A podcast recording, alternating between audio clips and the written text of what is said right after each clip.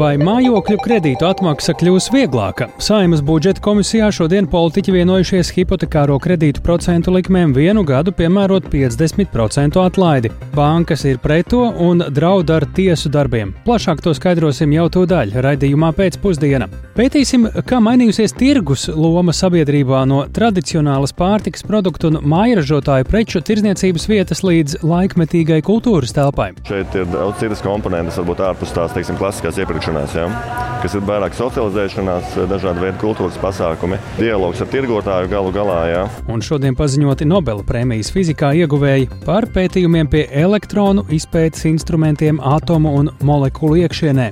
Arī to plašāk skaidrosim raidījumā pēcpusdienā kopā ar mani Tāli Eipuru.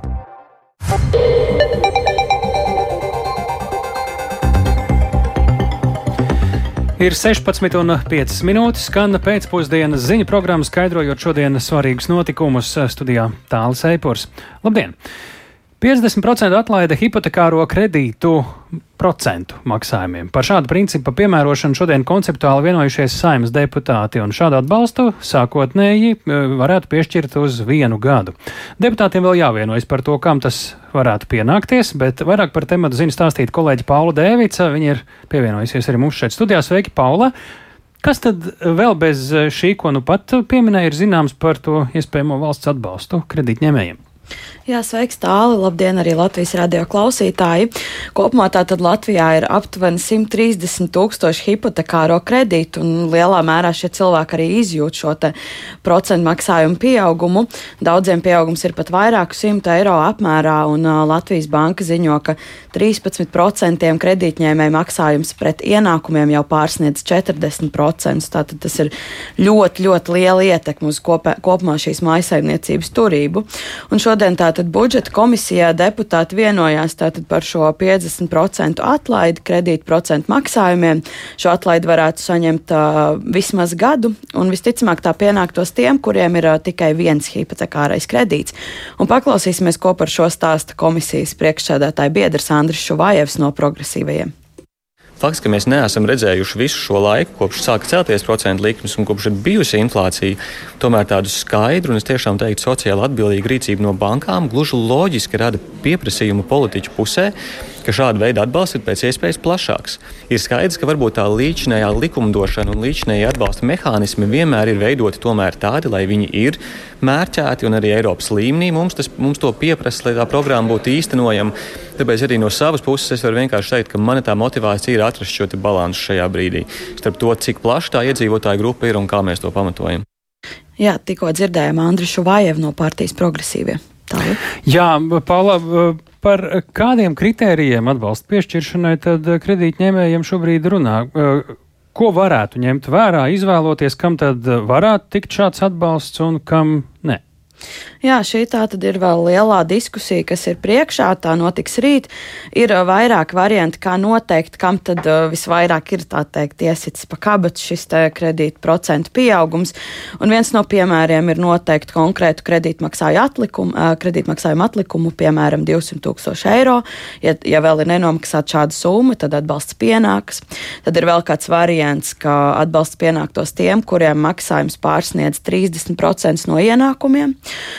savukārt Latvijas Banka piedāvā īpašu formulu, ar kuras palīdzību vērtēt atlikušos ienākumus, cik ļoti tie atbilst uh, minimālajām vajadzībām. Tur ir konkrēta formula, kas ir attiecināta pret minimālo algu, un tad principā pēc šiem aprēķiniem sanāk summa, kurai tad būtu jāpaliek uz ģimeni, un ja paliek mazāk, tad atbalsts pienāks. Bet nu, par šo uh, klātesošie bija tādi nedaudz skeptiski, jo tas diezgan sarežģīti. Vēl būtiski pieminēt arī, ka par šo iecerēto atbalsta mehānismu šobrīd šobrīd sajūsmā nav banku sektors. Latvijas Finanšu nozares asociācijas vecākais juridiskais padomnieks Edgars Pastars šodien Latvijas radio raidījumā Krustpunktā brīdināja, ka bankas varētu apstrīdēt satversmes tiesā šīs likuma normas, kas paredz šo kredītmaksājumu atvieglojumu. Un paklausīsimies, ko tad Krustpunktā teica Pastars. Normālā rietumvalstī būtu jābūt tā, ka, ja kādā sektorā ir peļņa, kuru likumdevējs uzskata par pārāk lielu, nodokļi tad pārdalām par labu sabiedrībai. Attiecīgi atbalstot konkrētās grupas. Ja grib regulēt cenas, tad tā vienkārši pateikt, ka cena ir par lielu, pusi mazāk. tas ir tā ir uzticības krīze valstī, kā nu, jurisdikcijai kā tādai.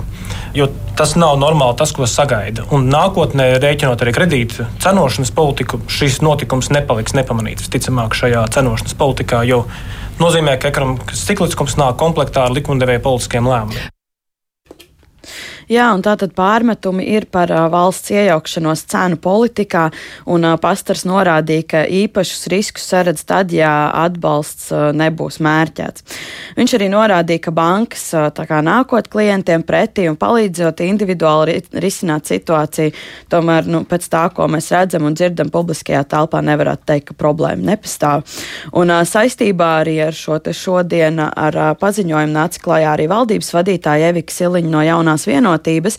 Viņi ziņoja, ka viena no bankām esot gatava samazināt likmi par 1% tiem, kuri ir ievērojuši visus noteikumus un maksājumus. Tātad mēs vēl redzēsim un sekosim, kā tālāk situācija risināsies, un sekosim arī rītdien saimā, kad deputāti lems par to, kā tad šo atbalstu mērķēt un ko tad vispār darīt ar šo situāciju.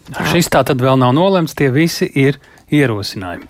Tas ir jāatgādina, lai kādus skaitļus arī mēs šeit nedzirdētu. Sakām paldies Paulai Devicei eh, par šo, un, bet par naudu mūsu maciņos arī turpinām, vēl precīzāk pedagoģu maciņos. Valdība ir nolēmusi piešķirt papildu 1,7 miljonus eiro pedagoģu algām, bet vai ar to pietiek? Vai līdz ar to skolotāju streika prasības ir izpildītas, un vai domstarpības starp valdību un pedagoģu arotbiedrību ir atrisinātas. Par to šeit studijā mums ir gatava uh, plašāk stāstīt kolēģi Agnija Lāsdiņa. Sveika, Agnija, saka, kam tad uh, tiks šie papildu 1,7 miljoni, un ko tad saka abas iesaistītās puses - pedagoģi iepratīm ministrijai un valdībai. Labdien! Jā, saskaņā ar valsts budžetu apstiprinātais finansējums pedagoģa algām četriem mēnešiem no septembra līdz decembrim ir 181 miljonus 445 tūkstoši un 721 eiro. Taču atbilstoši aktuālajiem izglītojamo skaitam uz šī gada 1. septembri kopumā pašvaldībām esot nepieciešami 183 miljoni 144 tūkstoši un 175 eiro. Līdz ar to valdība nolēma piešķirt šo papildu finansējumu, jeb summu, kas pietrūka um, tā tevis minēto tālu 1,7 miljonus mm. eiro no valsts naudas pašvaldībām. Un uh, daļa no šīs naudas tiks novirzīta interneta, interneta pakalpojumu un speciālo pirmskolas grupu nodrošināšanai, daļa būs pašvaldību pamata un vispārējās vidējās izglītības, speciālās izglītības, profesionālās izglītības iestāžu pedagoģu darba samaksai un valsts sociālās apdrošināšanas obligātajām iemaksām, tāpat arī Ukraiņu un mazākumu tautības izglītošanai un citviet. Un nepieciešamais finansējums tiks rasts no piešķirtajiem līdzekļiem veicot pārdali no finansējuma atlikuma, ko pašvaldības saņēma pērn, tāpat arī samazinot augusta nogalē piešķirto finansējumu pedagoga palīgiem un pagarinātās dienas grupas skolotājiem pamatizglītībā, pedagoga palīgiem un logopēdiem arī pirmskolā. Un kā stāsta ministra prezidenta Evika Siliņa no jaunās vienotības, tad valdība pagājušajā nedēļā lemjot par budžeta prioritārajiem pasākumiem ir iekļāvusi šīs visas streika prasības un to izpildi. Mums nav nekādu vēlmju neievērot šīs streika prasības. Tas, kas notiek procesā, skaidrs tiek veidota tāda finanšu plūsmu, datu analīze, salāgošana, un, manuprāt, tas ir ļoti labs tāds dialoga process, ko Izglītības un zinātnes ministrija kopā ar pašvaldību savienību, kas ir reāli tiešie darba devēji pedagogiem, veids kopā ar arotbiedrību, un tas ir ļoti labi, ka tas notiek līdz ministru kabinetam, un eh, nenotiek vairs šīs diskusijas varbūt tieši ministru kabinetā, bet eh, nozara spēj sarunāties ar arotbiedrību un pašvaldībām, un, protams, arī salāgot šos finansu aprēķinus.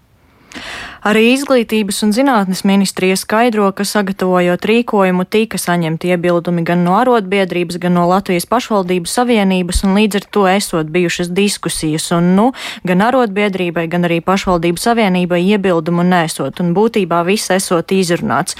Taču ir būt, kā mina Latvijas izglītības un zinātnes darbinieku arotbiedrības priekšsēdētāja Inga Vanaga, tad ir būtiski, ka mērķa dotācija ir lielāka nekā iepriekš solīts, taču vai visas streika prasības būs izpildītas, to varēs spriest oktobra otrajā pusē, jo šobrīd pašvaldībās šī nauda vēl tiek dalīta, tāpēc analīzei vēl ir jāturpinās. Paklausīsimies viņas sacīto. Mēs neizslēdzam, ka viss var būt kārtībā, bet mēs saņemam jau pirmos trauksmes arī zvanus, ka ir skolas, kurās ir samazinājusies šī nauda, nepietiek nauda, un mēs arī cenšamies analizēt līdz skolas līmenim, vai tas ir saistīts ar skolēnu skaita izmaiņām, vai tas ir saistīts ar to, ka pašvaldība pārdala finansējumu, kas ir pašvaldības tiesībās, vai tas ir saistīts ar to, ka janvāra naudu ielika likmē, nevis piemaksās vai slodzes balansēšanā, vai tas ir saistīts, ka pašvaldība daļu naudas ir izņēmusi. Tā kā vēl tāda, kā pateikt, ka pilnīgi visiem ir pietiekami, mēs nevaram tā simtprocentīgi galvot. Ja naudas nepietiks, tad pašvaldības un izglītības iestādes lūdz informēt ārotbiedrību, tostarp arī ministriju, un katrai pašvaldībai pašai ir tiesības pārdalīt mērķu dotāciju starp skolām atbilstoši pašvaldībā izstrādātajai šai sadales kārtībai. Un uh, iepriekš arī izglītības un zinātnes ministra Anda Čakša no jaunās vienotības vairāk kārt uzsvēra pašvaldību atbildību par naudas sadalījumu pa izglītības iestādēm. Tiesa Čakšas padomnieks analītikas jautājumos Jānis Salmiņš esot pārliecināts, ka valdība piešķir, piešķīrusi vairāk nekā būtu nepieciešams streika prasību izpildei, to apliecinot ministrijas veiktie aprēķini un ar piešķirto, piešķirto naudas. Naudu pietikšot arī jauno pedagoģu atalgojumam, bet vai pietiks, to tad skatīsimies vēlāk. Tāli. Paldies Agnijai Lāsdiņai tik tālu par naudu pedagoģu atalgojumam. Sodi par noziegumiem pret valsti Latvijā kļūs bargāki, jo nu jau arī saimnes apakškomisija un drošības dienas pārstāvji likuši saprast, ka neredz šķēršļus virzīt tālāk valsts prezidenta Edgara Rinkēviča rosinātās izmaiņas krimināla likumā. Deputāti šodien vienbalsīgi lēma virzīt šo grozījumu skatīšanai saimā. Par sēdē apspriesto vairāk Jāņa Kīņša sagatavotajā ierakstā. Valsts prezidenta rosinātie grozījumi paredz izmaiņas trīs esošos krimināla likumu pantos un vienu jaunu pantu. Rosināts bargāks cietumsots par tādiem noziegumiem kā apvienošanās grupā ar darbībām pret Latviju, palīdzība kādai ārvalstī pret Latviju vērstā darbībā, tajā skaitā valsts noslēpuma nelikumīga vākšana un nodošana ārvalstī, kā arī pretvalstiskas spiegošanas organizēšana vai vadīšana. Rosināts vēl bargāks cietumsots, ja šādās darbībās pieķerta valsts amatpersona. Par šādiem pārkāpumiem papildus paredzēta probācijas uzraudzība un arī mantas konfiskācija, jo šādas darbības var motivēt mantkārīgi nolūki. Būtiska nianses ir arī atteikšanās likumā no mazāka soda iespējām par šādiem pārkāpumiem, tajā skaitā izlaicīgas brīvības atņemšanas. Atbalstu šiem likuma grozījumiem pauž valsts drošības dienests, satversmes aizsardzības birojas, militārās izlūkošanas un drošības dienests, kā arī ģenerāla prokuratūra. Šie krimināla likuma grozījumi nodrošinās nepieciešamos rīkus, lai Latvija varētu efektīvi paust attieksmi un vērsties pret darbībām, kas apdraud Latvijas drošību, uzsvēra valsts drošības dienesta pārstāve gan mūsu pieredzi, gan arī esam daudz analizējuši un vērtējuši Ukraiņas kolēģu pieredzi, cik kaitīgas un cik bīstams ir tiešām šāda veida darbības, ar kurām tiek sniegts reāls atbalsts ārvalstī pret mūsu valsts vērtām interesēm. Un, attiecīgi, mūsu vērtējumi arī, protams, sodiem par šādiem nodarījumiem, kas tieši vērsti pret valsts un līdz ar to arī visas sabiedrības interesēm būtu jābūt atbilstošiem, un bargāku sodu noteikšana nosaka, protams, minimālo paaugstināto maksimālo brīvības atņemšanas sodu ir mūsu vērtējumā nepieciešama, lai krimināla likuma normas pildītu arī šo vispārējās prevencijas funkciju. Tāpat krimināla likumā rosināts arī jauns pāns saistībā ar militāru un taktisku uzdevumu apmācībām, izņemot gadījumus, kad tās organizētas valsts aizsardzības, kārtības un drošības nolūkos. Saistībā ar šo piedāvāto regulējuma punktu deputāts Edmunds Teirumnieks no Nacionālās apvienības interesējās, vai to varētu attiecināt arī uz kaujas imitācijas spēlēm atsaucoties varbūt uz 24. Eh, februāri pagājušajā gadā, pēc tā diezgan bieži izskanēja, ka eh, šīs airsoft apmācības, kas arī ir ar militāru, arī taktisku ievirzi, vai un kādā veidā šobrīd tās apmācības eh, kontrolētas. Un cik daudz un kādā veidā mēs varbūt šo piedāvāto pantu uz to varam attiecināt. Ja airsoft vai paintball aktivitātes neizvērš pretvalstisku mērķu nolūkā, likums pret tām nevērsīsies, atbildēja valsts drošības dienesta pārstāve. Šeit mēs nerunājam par airsoft kā kopumu, kas var būt arī tikai spēle un izklaide. Bet gadījumā, ja šis elements tiek izmantots, un tas ir bijis izmantots, kā vismaz liecina Ukrainas pieredze, tad šī norma ļautu bargāk vērsties pret šādām aktivitātēm. Valsts prezidenta rosinātie krimināla likuma grozījumi jau šajā ceturtdienā būs saimas sēdes darba kārtībā. Tad tos paredzēts nodot skatīšanai saimas juridiskajā komisijā. Tās vadītājs Andrejs Judins no jaunās vienotības pieļāva, ka atsevišķas normas turpmākajā procesā varēs precizēt, taču būtisku izmaiņu piedāvātajā regulējumā nebūšot. Jānis Kincis, Latvijas radio. Tātad valsts prezidenta iniciatīvai bargāk sodīt par noziegumiem pret valsti ir atbalsts ne tikai deputātu vidū, bet arī no drošības dienestiem. Arvien lielāka loma valstu drošībā un attīstībā ir arī dažādām tehnoloģijām un to pieejamībai. Ar īpaši aizsargājamo tehnoloģiju sarakstu šodien gatavojas nāk klajā Eiropas komisija. Tas nozīmē, ka šīm tehnoloģijām nevajadzētu nonākt tādu nedraudzīgu valstu kā, piemēram, Ķīna rokās. Runa ir gan par šādas ražošanas bloķēšanu, gan par jaunu piegādes ķēžu veidošanu, lai tā mazinātu atkarību no viena piegādātāja. Tomēr daudz kas būs atkarīgs no tā, kā šie principi tiks ieviesti praksē. Plašāk par to mums ir gatavs eh, vēstīt mūsu korespondents Briselē Arķems Konohovs. Labdien, Aķam! Kādas tad tehnoloģijas ir iekļautas šajā sarakstā, par, ko, par kurām te ir runa? Labdien, tālu, labdien, klausītāji! Preses konference, kur tas viss tiks oficiāli paziņots, sāksies vēl pēc brīža, bet jau no neoficiālajiem avotiem ir zināms, ka runa ir par četrām būtiskām tehnoloģijām. Tās ir jaunākās paaudzes pusvadītāji, un tostarp arī pusvadītāju ražošanas iekārtas, fotonika, mikroelektronika. Tāpat ir arī mākslīgā intelekta tehnoloģijas un viss, kas ar to ir saistīts - kvantum tehnoloģijas un biotehnoloģijas. Tas ir runa runa ir par ģenētiskās modifikācijas tehnoloģijām un arī visu, kas ir saistīts ar gēniem un to izmaiņām. Tad šīs ir tās četras jomas, ko visticamāk Eiropas komisija prezentēs un par kurām tagad tiks veikta riska analīze. Un tad balstoties jau tālāk uz šiem riskiem, būs jādomā par to, kādus tad īstus soļus spērt. Jā, un ko tad nozīmē šāda saraksta izveide?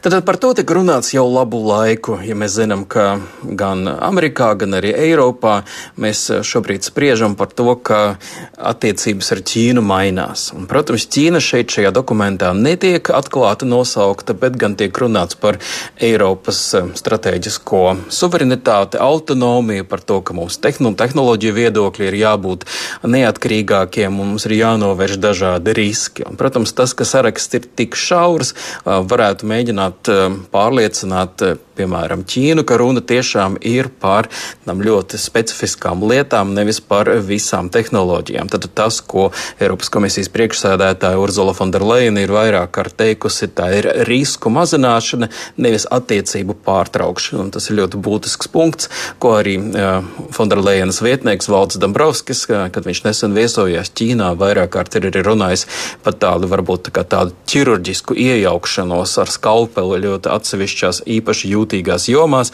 jo Eiropa nevēlas, protams, panākt, ka mēs nododam, piemēram, Ķīnai e, pusvadītāju e, ražošanas iekārtas un vēlāk viņi ar tām saražo kaut ko, ar ko viņi sacenšas ar mums vai ir nodara mums kaut kādā veidā pāri. Tad tā ir tā jaunā domāšana šobrīd. Nu, ja vēl paskatāmies plašāk, tad kāda reakcija uz šo paziņojumu ir izskanējusi no dažādām pusēm?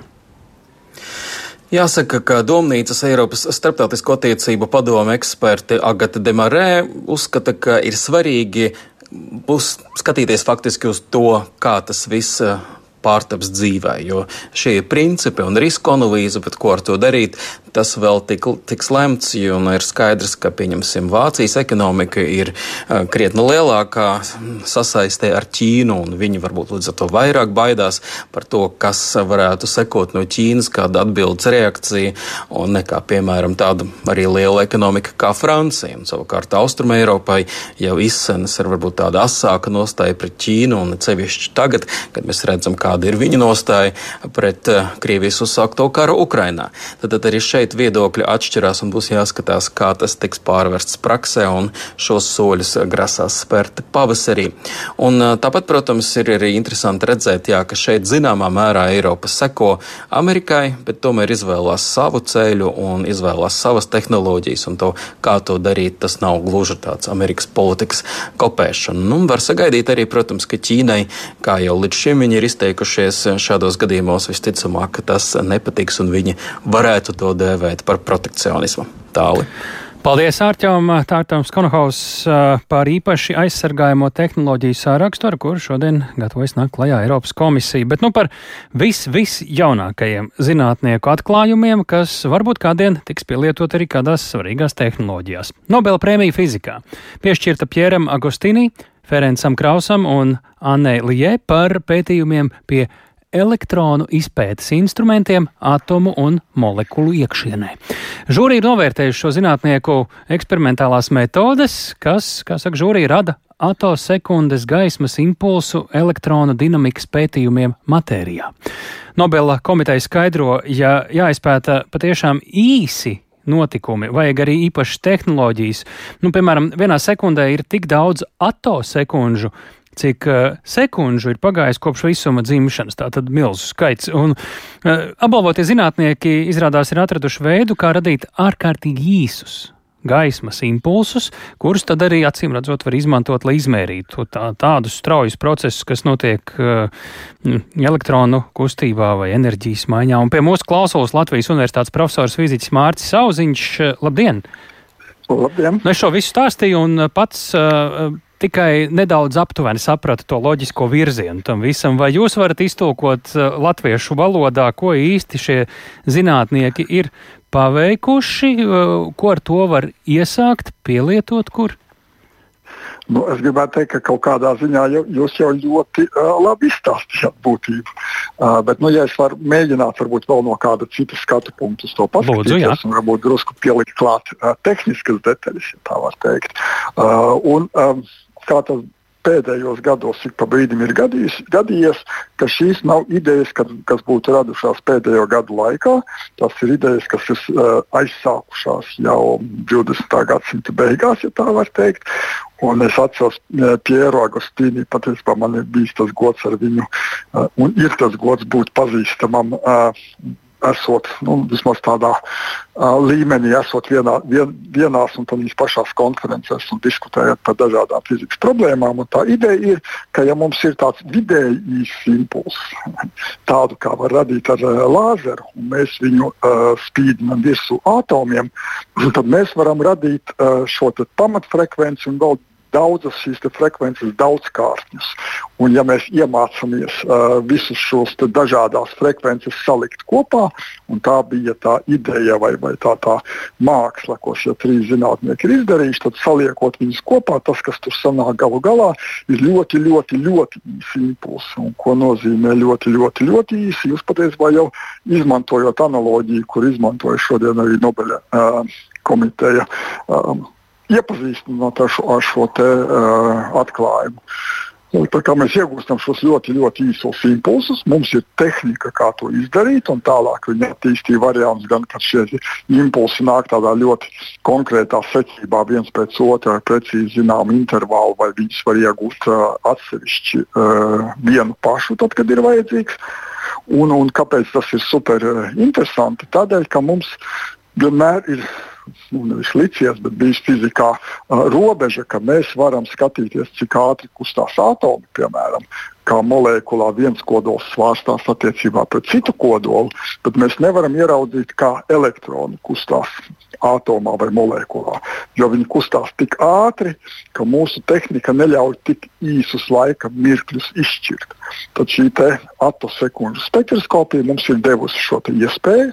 Mēs tagad varam izšķirt šos ļoti īsos laika momentus, skatīties, kā elektroni atomos vai molekulās pārvietojās. Un ko no tā, tā mēs visi iegūstam kopā? Uh, jā, tā, tā, tas ir interesants jautājums, jo arī uh, Nobeļa komiteja uz šo jautājumu atbildēja gan, gan, gan izvairīgi, gan, gan tieši. No vienas puses, visu laiku sakot, ka šī ir skaista, fundamentāla zinātne. Uh, un, un, un par pielietojumiem mums jādomā nākotnē. Uh, šeit var būt ļoti dažādas emocijas. Pirmā, nu, tad, tā, tā, tāda uh, fundamentāla zinātne, ko ar to īsti darīt. Man kā fiziķim ļoti patīk, ka mēs atgriežamies pie tā, ka mēs pamatzinātnē, fundamentālai zinātnē pievēršam lielu uzmanību, saprotot, ka pielietojumi pavisam noteikti sekos. Un tie pielietojumi, par ko mēs šobrīd uh, domājam, šī uh, virzienā. Nu, viens ir, uh, mēs varam molekulās redzēt, kā notiek ķīmisko reakciju rezultātā elektronu transportēšana no, no viena atoma pie otra. Un, ja mēs varam vadīt ķīmiskās reakcijas, nu, tā ir. Uh, Alķīmija jau gandrīz. Uh, nu, nē, tā nav atšķirība, bet tas ir tas, ka mums uh, noteikti ķīmiskās reakcijas iznākumu pārbīdot kādā noteiktā virzienā. Mums var būt fantastiski uh, ekonomiski efekti. Uh, otrs, ko mēs varam uh, darīt, patiesībā mēs varam ar šo domāt uh, nenormāli ātri darbojošos slēdžus uh, mikroelektronikai. Mēs varam pārslēgt uh, nu, teiksim, kaut kādus Jā. procesus, uh, kas, kas uh, nu, mēs visu laiku elektronikā, datortehnikā sakam, ka mēs gribam vēl ātrāk. Šis jau ir tuvāk realitātei. Un, un trešais, par ko viņi runā ļoti bieži, ir tas, ka mēs šādā veidā iespējams varam daudz labāk diagnosticēt dažādas uh, ģenētiskas izmaiņas uh, organismā. Nu, mēs saprotam, ka, ka mūsdienu med medicīna virzās uz to, lai mēs ģenētiskā līmenī sāktu saprast cilvēka uh, medienas un viņas korģētu. Tā kā šeit arī noteikti ir iespējami ļoti liela un interesanta pielietojuma. Ļoti interesanti. Pat mēs sapratām. Paldies jums, Sauziņa kungs. Es domāju, par šo jau tad, tā kā ir iz, izpelnījusies īpaši ievērību šo zinātnieku darbību, tad noteikti varēs agrāk vai vēlāk izlasīt dažāda sarežģītības līmeņa valodās. Paldies Mārts Mauziņam, Latvijas Universitātes profesoram fiziķim. Atgādinām, ka vakar tātad Nobela prēmiju medicīnā savukārt ieguva Ungārijā dzimusī pētniece Katalīna Karikona, ASV zinātnieks Drūve Eismans par darbu pie mRNA vakcīnām pret covid-19. Bet kā mainīsies tirgus loma sabiedrībā no tradicionāls pārtiks produktu un mairažotāju preču tirzniecības vietas līdz tādai laikmetīgai kultūras tāpai? Un, uh, lai veicinātu kvalitatīvu vietējo pārtiks produktu patēriņu, ir sākusies ikgadējā zaļās karotītes un bordo karotītes kampaņa. Šie un citi temati raidījuma turpinājumā. Sals, ilgstošs sausums, mitrums, krusa. Šogad būtiski tas viss mazinājis graudu rāžu. Lauku konsultāciju centrs lēš, ka rāžas samazinājums ir no 20 līdz vietām 50 procentiem, un šis bijis viens no sliktākajiem ražas gadiem. Tāpat daļa zemnieku norāda uz ļoti nelielo krīžu atbalstu zemniekiem, lai gan daudzās saimniecībās situācija ir kritiska. Plašāk par situāciju graudkopībā un šī gada ražu Sintīs Ambotis ierakstā. Latvijas lauku konsultāciju centra augkopības konsultants Andris Skudri norāda, ka šajā sezonā vidzemes un latgales pusē sliktāk pārziemojuši ziemā un daļā platība nācās pārsēt vasarājus. Vēlāk visā Latvijā sējuma būtiski cieta no sala un sausuma, kas arī samazināja graudu ražu. Savukārt augustā vētra un krūsa vairākos novados izpostīja sējumus. Augkopības eksperts lēš, ka saimniecībās graudu ražas samazinājums ir 20 līdz 50% apmērā salīdzinot ar pagājušā gada ražu. Graudu kvalitāte viss ir kārtībā. Protams, ražas līmeņi ir zemāki. Ja par kviešiem runājot, eh, tie ir sarukuši no 5 tonām uz 4,2 tonām. Tāpat arī ziemā, jo šīs platības mums samazinājās līdz ar šiem bojājumiem ziemas periodā. Savukārt palielinājās vasarāju platības, bet vasarāju šīs rāžas bija ļoti zemas, kurzemē, vidzemē. Tās svārstījās 1,5, 3,5 tonnas atsevišķām pat saimniecībām. Savukārt Salacgrīves zemnieku saimniecības robežnieka saimniece Ievalpa Izemberga saka, ka ražas samazinājums salu un ilgstošā sausuma dēļ ir dramatiskāks ziemeļvidzemē, jo šajā saimniecībā, piemēram, rapša raža parasti ir ap 3,5 tonnas no hektāra, bet šogad nokultas 0,8 tonnas. Vidēji saimniecībā iegūts 1,40% no pēdējo trīs gadu vidējās ražas. Tāda pati situācija ir visā Ziemeļvidzemē. Un jāsaka, ka mēs savus laukus bijām apdrošinājuši pret ļoti daudz dažādiem riskiem, izņemot salu un izņemot katastrofālo sausumu. Sausuma risks bija nu, samērā dārgs, un mēs rudenī izvēlējāmies šo sausuma risku neņemt. Polišu dārdzība, un ministrija arī pateica, ka polises vairs uh, neapmaksās līdzinējā apmērā. Nu, tās ir tās izvēles un tie tie signāli, ko mūsu politiķi sūta lauksaimniekiem, un, un, un no tiem izējot mēs lauksaimnieki izdarām savas izvēles un esam tur, kur esam šobrīd. Jā.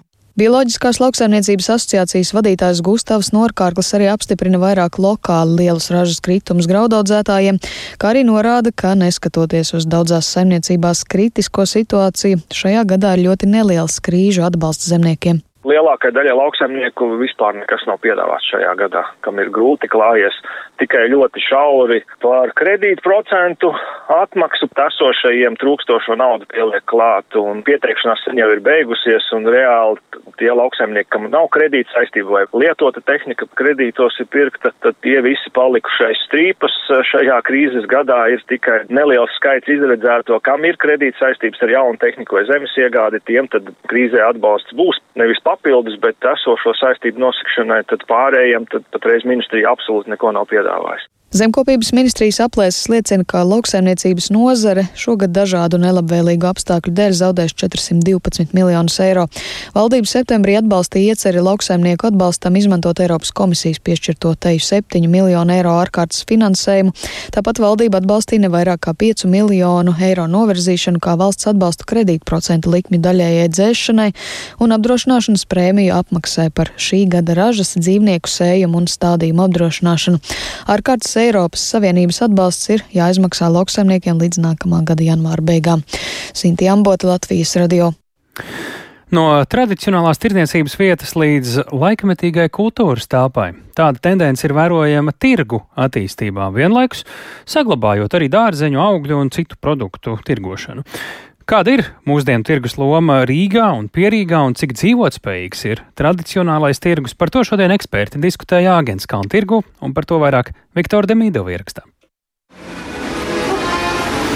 Pagājušajā gadā pēc vērienīgā remonta atklātais Āgenskalna tirgus ir kļuvis par mūsdienu tirgu, kurā ne tikai pārdod zemnieku produktus, bet arī darbojas kafejnīcas, dažādi veikali, notiek dažādi kultūras un izglītojošie pasākumi.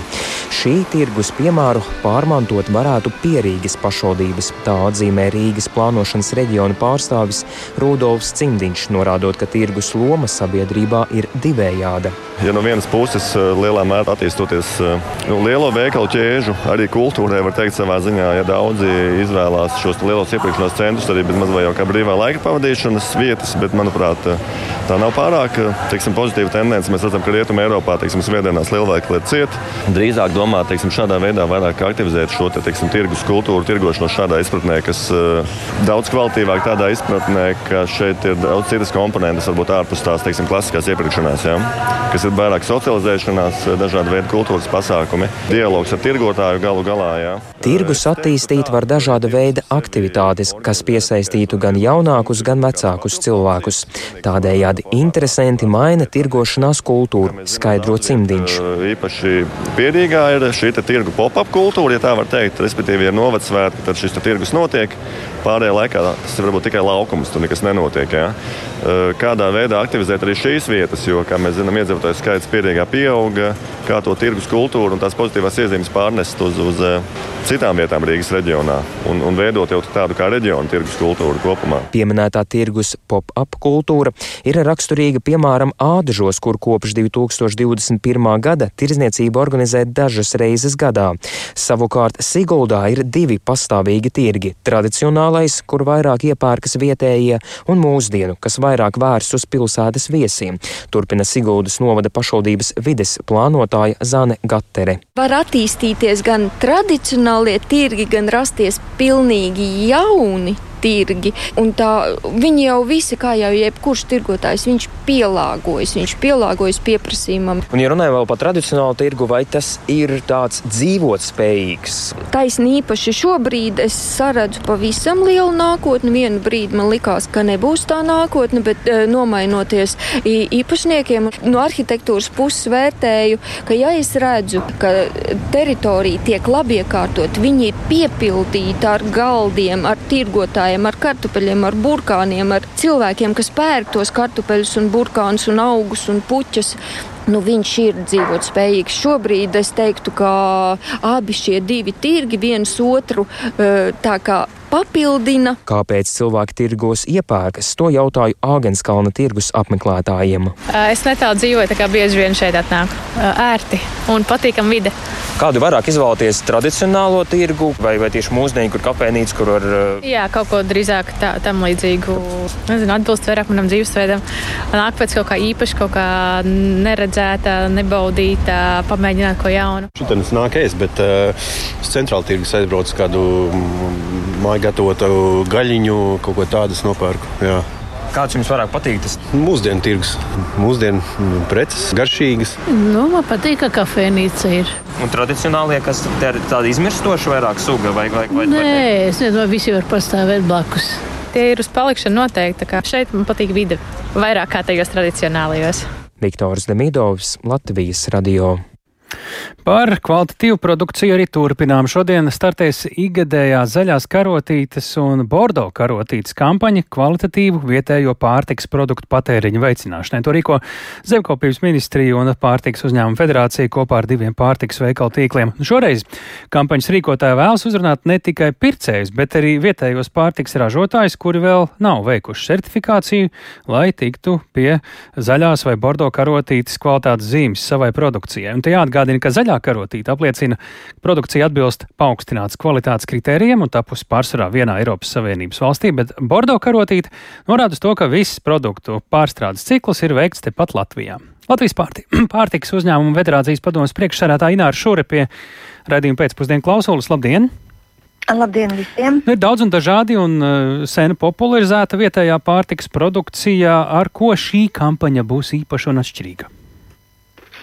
Nu, redziet, mēs katru gadu esam uzrunājuši pircējus un uh, nu, pārtikas pircējus un, un, un iegād, tie, kas iegādājas. Šoreiz mēs nolēmām paplašināt varbūt to klāstu un vairāk iesaistīt tieši ražotājus, lai faktiski arvien lielākais īpatnējais svars uh, mūsu Latvijas tirgū būtu ar paaugstinātu kvalitāti, ar karotītēm. Tāpēc mēs uzrunājam šoreiz m, tieši ražotājus.